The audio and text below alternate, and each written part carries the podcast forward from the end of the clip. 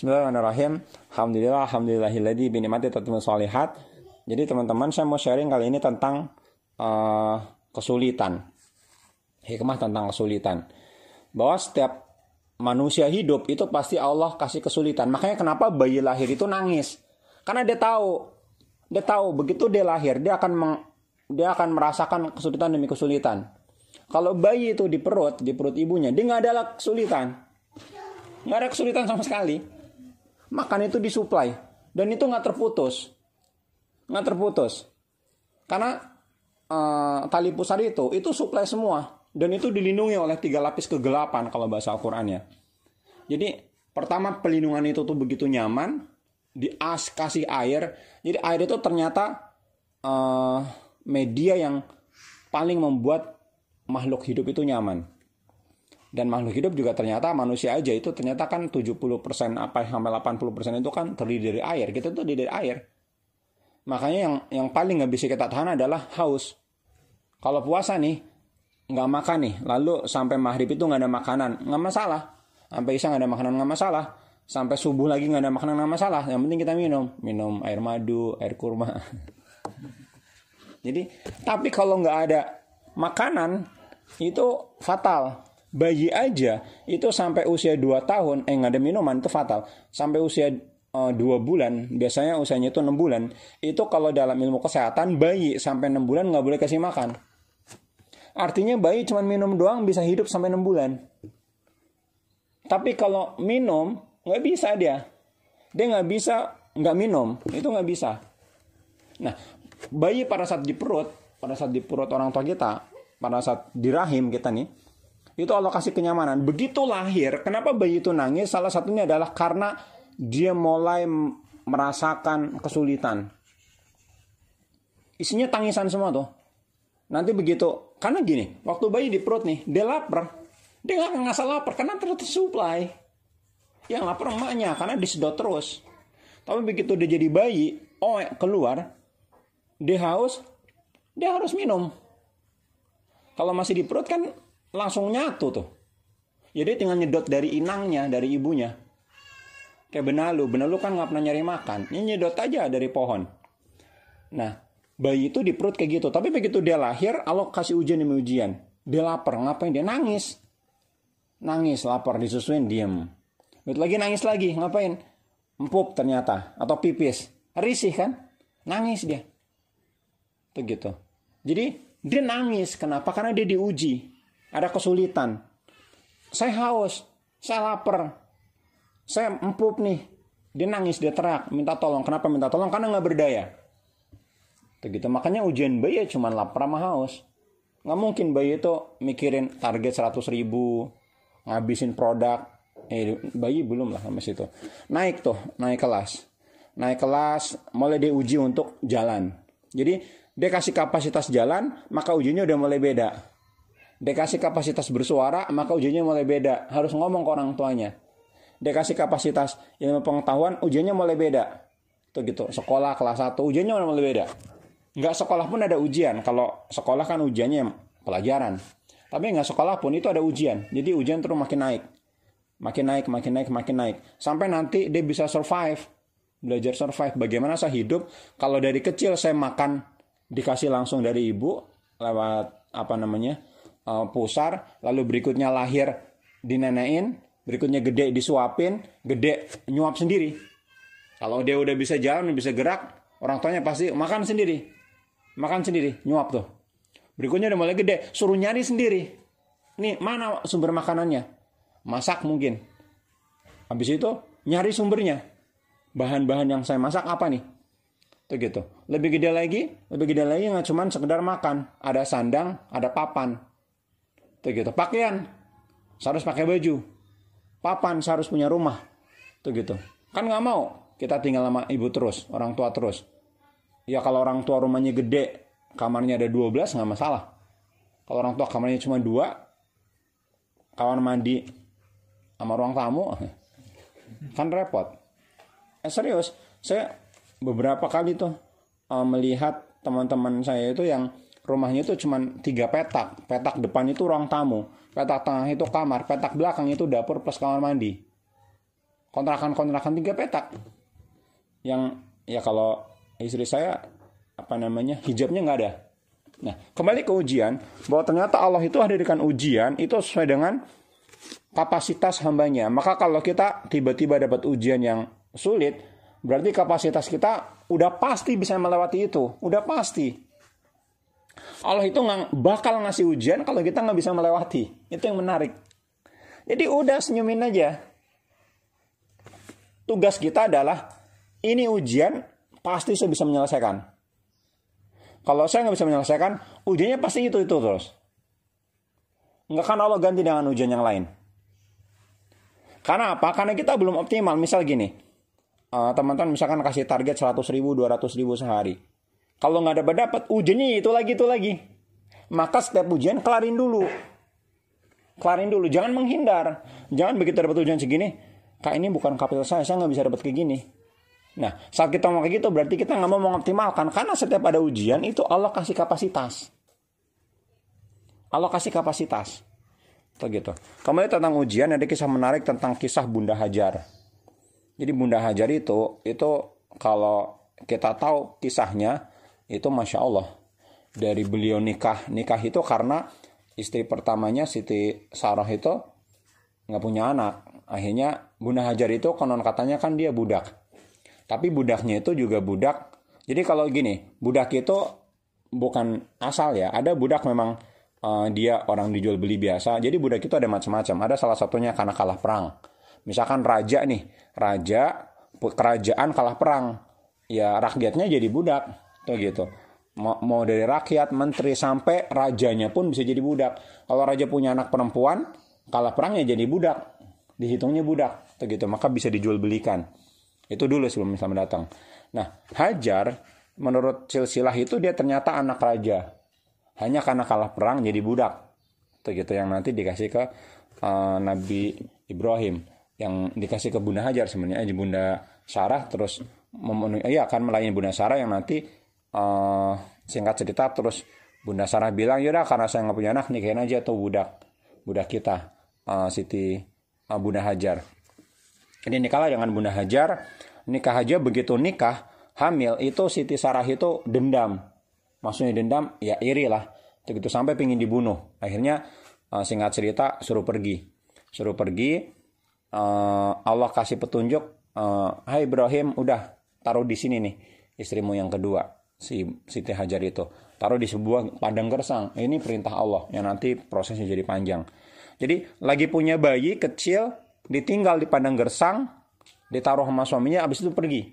Nah kalau sekarang itu suaminya udah laporin polisi kalau kayak gitu. Udah gugat cerai. Tapi Bunda Hajar nanya, kenapa kami ditinggal kayak gini? Ibrahim itu nggak nengok. Begitu apakah ini dari Allah? Baru nengok. Iya. Oh yaudah kalau gitu kita nggak nggak nggak takut. Jadi Bunda Hajar paham apa yang dipahami bahwa yang harus dipahami oleh kita pertama adalah bahwa Allah nggak akan mungkin meninggalkan hambanya. Asal hambanya apa? Takwa. Asal hambanya apa? Tawakal sama Allah. Jadi Allah itu nggak mungkin pergi.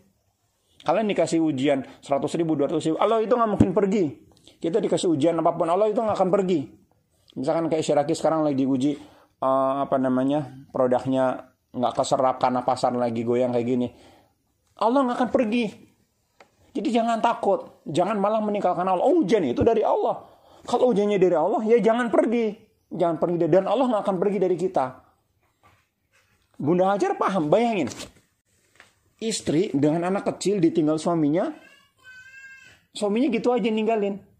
Kagak cium pipi kiri, pipi kanan, kagak. Kagak mesra-mesraan gitu, terus cium tangan salaman, kagak. Taruh, pergi, kagak nggak ngomong sama sekali. Kan zolim banget tuh. Kalau kita sekarang udah zoliman dilaporin polisi tuh. Masuk penjara gitu bisa. Nggak bertanggung jawab sama istri. Tapi Bunda Hajar paham dia nanya, kenapa kita ditinggal? Nggak jawab. Lalu ngomong, apakah ini perintah Allah? Baru Ibrahim nengok. Cuman nggak ngomong. Cuma kayak gini doang. Habis itu pergi lagi. Oh ya udah kalau gitu kita tawakal sama Allah. Kalau gitu kita tenang. Yakin gitu. Yakin Allah tuh nggak bakal pergi. Tapi apa yang menarik? Bunda Hajar dengan perbekalan sedikit, ya dia bertahan hidup. Sampai perbekalannya habis. Air minum habis, makanan habis, ini bayi, namanya bayi, itu makannya sehari bukan dua kali atau tiga kali, berkali-kali. Ya kalau siklus dia makanannya habis, makan eh, aja ya bayi itu, itu kan makanannya cuma minuman doang tuh. Siklus dia makan masuk perut, jadi pipis jadi ini, itu dia makan lagi. Karena kenapa bayi makannya berkali-kali? Karena bayi makannya nggak sepiring bro. Karena bayi makannya cuman paling sendok atau setengah sendok. Nggak ada bayi makannya tuh sepiring itu nggak ada itu bayi usia 20 tahun. Jadi makanya dia terus makan karena sedikit. Jadi pencernanya itu nggak bisa mencerna banyak. Nah, si Ismail kecil ini nangislah dia. Apa yang akan Bunda Hajar? Walaupun dia tahu Allah nggak akan pergi, walaupun dia tahu Allah menolong, dia bukan diem aja. Dia nggak diem aja, beliau nggak diem aja, beliau nggak terus bengong terus minta ya Allah kirimkan. Kok engkau pasti ngasih nih, terus senyum gitu. Kagak bro. Jadi yang dilakukan oleh Bunda Hajar apa yang beliau lakukan? Yang beliau lakukan adalah ini menarik. Beliau ikhtiar. Ini Ismail nangis-nangis merengek haus. Ikhtiar, nyari di mana ada air. Keliling, itu padang gersang. Dulu yang sekarang jadi Mekah itu, itu dulu padang gersang, nggak ada kehidupan. Lembah nggak ada kehidupan sama sekali. Nggak ada kehidupan sama sekali. Dia bingung dia sampai naik ke tuh, naik ke bukit Bukit Sofa Marwah itu kalau dari sini itu sampai Indomart. Dari dari titik Ka'bah itu. Itu sampai Indomart. Jauh itu. Ya kalau sekarang kan satu masjid itu. Masih dalam masjid Sofa Marwah itu. Nakit ke bukit itu. Dan saat itu naiknya bukan kayak sekarang. Kalau di, dari sini dari Siraki ke Indomart itu kan ya tenang gitu. Naik turunnya juga kayak gitu doang. Adem kayak gini. Pagi-pagi belum nyampe Indomart udah ada yang jual es cendol. Jadi waktu itu naik itu. Dan kondisi panas. Panas luar biasa. Panas itu kalau dalam ilmu fisika ada namanya fata morgana. Atau fata morgana? Fata morgana itu kalau dalam kondisi datar dia akan seperti air. Jalanan nih jalanan panas itu akan seperti air. Seperti mencair seperti air. Itu fata morgana. Nah ngeliat ada air dia lari dari bukit Java lari ke bukit Marwah ada air di sana pas datang oh, bukan air ternyata Pas dia kayak gitu ngeliat Bukit Sofa, eh airnya pindah ke sana. Tuh gitu. Karena panas jadi fata morgana, kelihatan air, dia lari ke sana. Nggak ada. Bolak-balik terak-terak nyari bantuan nggak ada. Jadi sampai tujuh kali. Sampai tujuh kali. Itu luar biasa. Jadi jauh lumayan itu. Sofa Marwah itu jauh. Ya kalau sekarang kan udah ada AC enak. Kalau dulu itu jangan bayangin sekarang. Dulu itu batu dan memang naik. Tuh gitu. Tujuh kali. Dan begitu tujuh kali capek istirahat berdoa sama Allah. Tiba-tiba kok Ismail diem. Lari langsung ke Ismail. Kenapa Bunda Hajar itu langsung lari ke Ismail? Karena apa yang dikhawatirkan? Meninggal. Mati. Kalau nangis nggak masalah. Jadi masih hidup. Emang haus, lapar. Tapi kalau diem, yang dikhawatirkan adalah meninggal. Lari langsung ke bawah. Begitu ke bawah ternyata di kakinya itu ada air. Air keluar. Keluar dari tanah. Keluar dan kata Bunda uh, Hajar, zam, zam, zam, zam, zam. Zam-zam itu maksudnya berkumpul lah, begitu. Berkumpul lah. Sehingga Allah udah kumpulin di situ doang, nggak pergi ke mana-mana. Kalau waktu itu nggak ngomong zam-zam, itu mungkin luber. Mungkin kawah itu jadi akan jadi danau. Akan luber. Zam-zam, udah segitu doang. Jadi keluar airnya cuma segitu doang. Nggak ke mana-mana. Itu luar biasanya. Makanya sampai sekarang dikenal dengan sumur zam-zam. Jadi apa hikmah dari kisah ini teman-teman semua? Hikmah dari kisah ini pertama adalah tadi saya katakan bahwa Allah nggak mungkin ngasih ujian kecuali hambanya itu punya kapasitas. Artinya optimis dengan ujian. Kenapa? Karena Allah sudah kasih kapasitas ke you untuk menyelesaikan ujian itu. Ya tugas kita adalah mengoptimalkan, ngegali nih Mana berlian dalam diri saya? Kita gali. Ada di mana berlian saya? Kita gali. Itu yang pertama. Yang kedua, yang kedua, bahwa ternyata Allah itu nggak akan meninggalkan hambanya selagi hambanya itu tawakal kepada Allah. Allah tuh nggak bakal pergi. Nggak bakal pergi. Makanya Bunda Hajar waktu nanya ke Ibrahim, Ya Ibrahim, kenapa kami ditinggal sini? Nggak jawab eh kenapa kita ditinggal, weh? Kenapa kita ditinggal? Nggak jawab. Tapi begitu, apakah ini perintah Allah? Nengok, nunduk, iya. Ditenang langsung. Masya Allah kan. Emang orang soleh itu harusnya kayak gitu. Jadi tenang langsung. Tenang. Begitu tenang, ya berikutnya adalah pada saat Allah hadirkan ujian, yang kedua kita tawakal kepada Allah, berikutnya yang ketiga kita harus ikhtiar. Dan ikhtiar Bunda Hajar itu ikhtiar yang optimal menurut saya. Kalau dalam sesi kisah itu luar biasa ikhtiarnya. Kalau mama mungkin meronta menangis terak-terak, tolong, tolong, tolong ini naik ke bukit. Kau bayang naik ke bukit? Pasir itu luar biasa.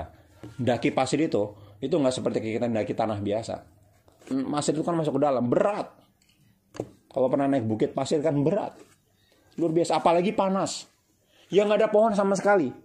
Kalau kita misalkan ke Parangtritis, itu kan dekat-dekat situ pohon. Terus laut lagi, angin lah itu kan kagak ada. Anginnya pun angin kering.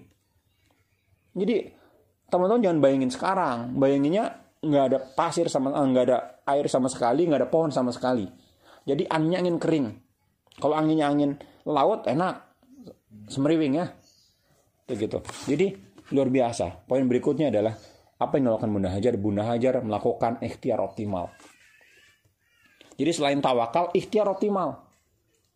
Ikhtiarnya optimal optimal sampai di titik inilah ikhtiar yang paling optimal saya lakukan. Itu gitu. Maka kalau misalkan kita ikhtiar, lalu ikhtiar kita masih ngerasa, oh saya belum optimal nih. Ya bisa jadi belum datang pertolongan. Yang ketiga, eh yang keempat, yang pertama adalah eh, bahwa ujian itu hadir sesuai dengan kemampuan. Yang kedua adalah kapasitas. Yang kedua adalah uh, Allah nggak akan pergi terhadap hamba-hambanya yang yang yang apa namanya tawakal, yang ketiga adalah ikhtiar yang optimal. Apa yang keempat? Yang, keempat menarik. Yang keempat adalah bahwa ternyata rezeki itu main sulayah tasib. Jadi rezeki itu datangnya itu dari arah yang tidak pernah kita duga. Tidak pernah kita duga. Teman-teman jualan susko nggak laku-laku, jualan speaker nggak laku-laku. Tiba-tiba rezeki dari arah yang tidak duga-duga. Gitu. Jadi pertama kali dulu saya jualan susko saya kalau nggak salah pernah. Nggak tahu nge di mana. Saya dulu pernah laku sampai 3000 pouch dalam kurun waktu seminggu. Pernah saya share nggak?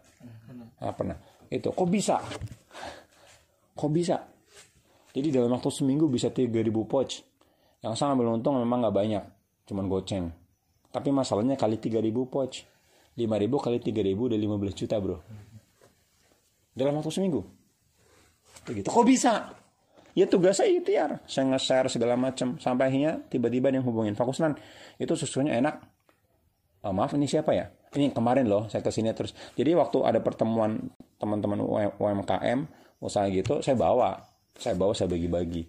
Tuh gitu. Iya, terus dia nanya ke panitia, ini kemarin yang ngasih ini siapa ya? Gitu.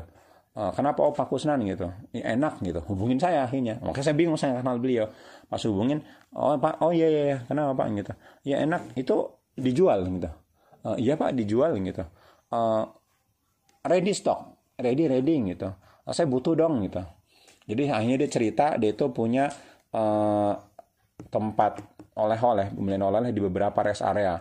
Dan dia butuh di rest area itu minimal tolong sediakan 100 gitu. Dia punya kalau nggak salah itu 15 rest area. 15 rest area ya udah kali 100 berarti ada 15 kali 100 ada 1500 ada 1500 kok bisa laku 3000 jadi singkat cerita ini kan dalam waktu seminggu. Laginya saya packing tuh termasuk karoji itu yang packing packing itu uh, udah saya kirim. Jadi waktu itu seadanya dulu seadanya dulu diambil nah ternyata enak dia bilang bagus nambah lagi deh sekalian. Gitu jadi tiga kali pengiriman yang total totalnya itu 3000 jadi ya kalau di total ada uh, eh, 3000 tadi. Tiba-tiba datang. Jadi saya nggak pernah eh saya cuma saya datang ya saya bawa ke mana pun saya bawa. Entah satu entah dua saya bawa orang nyobain. Orang enak saya nggak jualan orang enak rasain ah, baru beli. Kak itu bisa nggak ditiru ya ya mungkin nggak bisa. Masing-masing kita itu beda. Jalannya itu beda. Jadi intinya teman-teman tuh gini. Pada saat Allah hadirkan ujian tugas kita adalah pertama tadi yang seperti saya laku saya sampaikan bahwa kita harus meyakini setiap ujian itu Allah hadirkan pasti hambanya itu mampu melewati. Ma pasti mampu melewati. Allah itu adil dan itu ada dalilnya. Ada dalilnya kan? Hadis atau ayat Al-Qur'an. Saya lupa. Jadi Allah itu menaikkan ujian sesuai dengan kemampuan hambanya. Ada dalilnya? Hah? Ada. Apa itu? Iya. Artinya apa? Itu hadis, itu apa? Al-Quran? Al-Baqarah. Ayat terakhir. Nah itu. Saya aja nggak hafal. Cuma saya tahu. Itu gitu. Jadi la yuk Allah apa?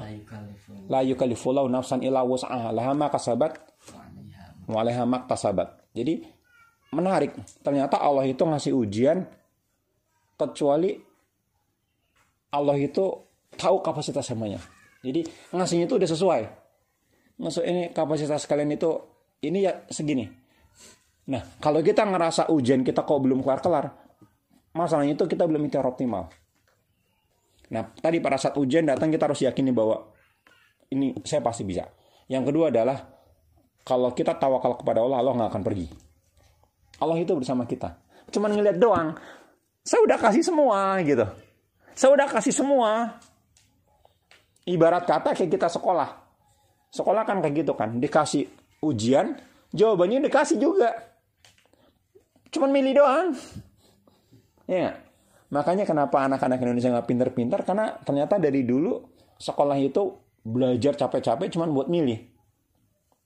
A, B, C atau D. Kan dia nggak pernah mikir. Coba nggak ada jawaban. Dia stres kan? Dia mulai mikir. Apa ya jawabannya? Dia mulai menekan reka. Sekarang jawabannya tersedia. Makanya dulu saya punya teman. Dia bikin ujian tes ujian nasional. Dia bilang, Pak Kusan kalau ngisi training-training tolong sampaikan ujian nasional itu gampang banget. Kenapa? Kita kasih soal, kita juga kasih jawaban. Hah? Dia nggak perlu ikhtiar, dia cuma nilih. A, B, C, atau D. Ya kalau nggak ngasal aja lah cap cip cup belalang kuncuk pilih gitu. Segitu mudah kan? Nah, bedanya Allah ngasih ujian itu Allah juga kasih ini loh. Allah kasih apa? Allah kasih kapasitas kita untuk menyelesaikan. Tinggal kitanya mikir. Nah, ini yang membuat namanya growing, bertumbuh. Bertumbuh. Bertumbuh.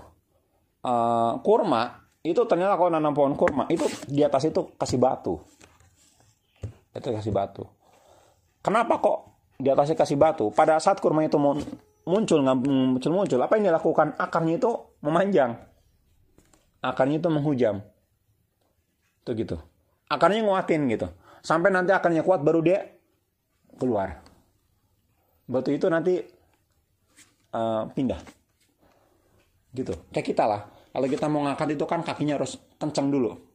Jadi ternyata makanya akar kurma itu menghujam dalam. Kenapa akar kurma harus menghujam dalam? Kurma itu kan seperti kelapa sebenarnya. Cuman bedanya kurma itu itu akarnya itu bisa sampai sepanjang 30 meter. Kok bisa? Karena kurma itu hidup di tempat yang tandus, beda sama kelapa.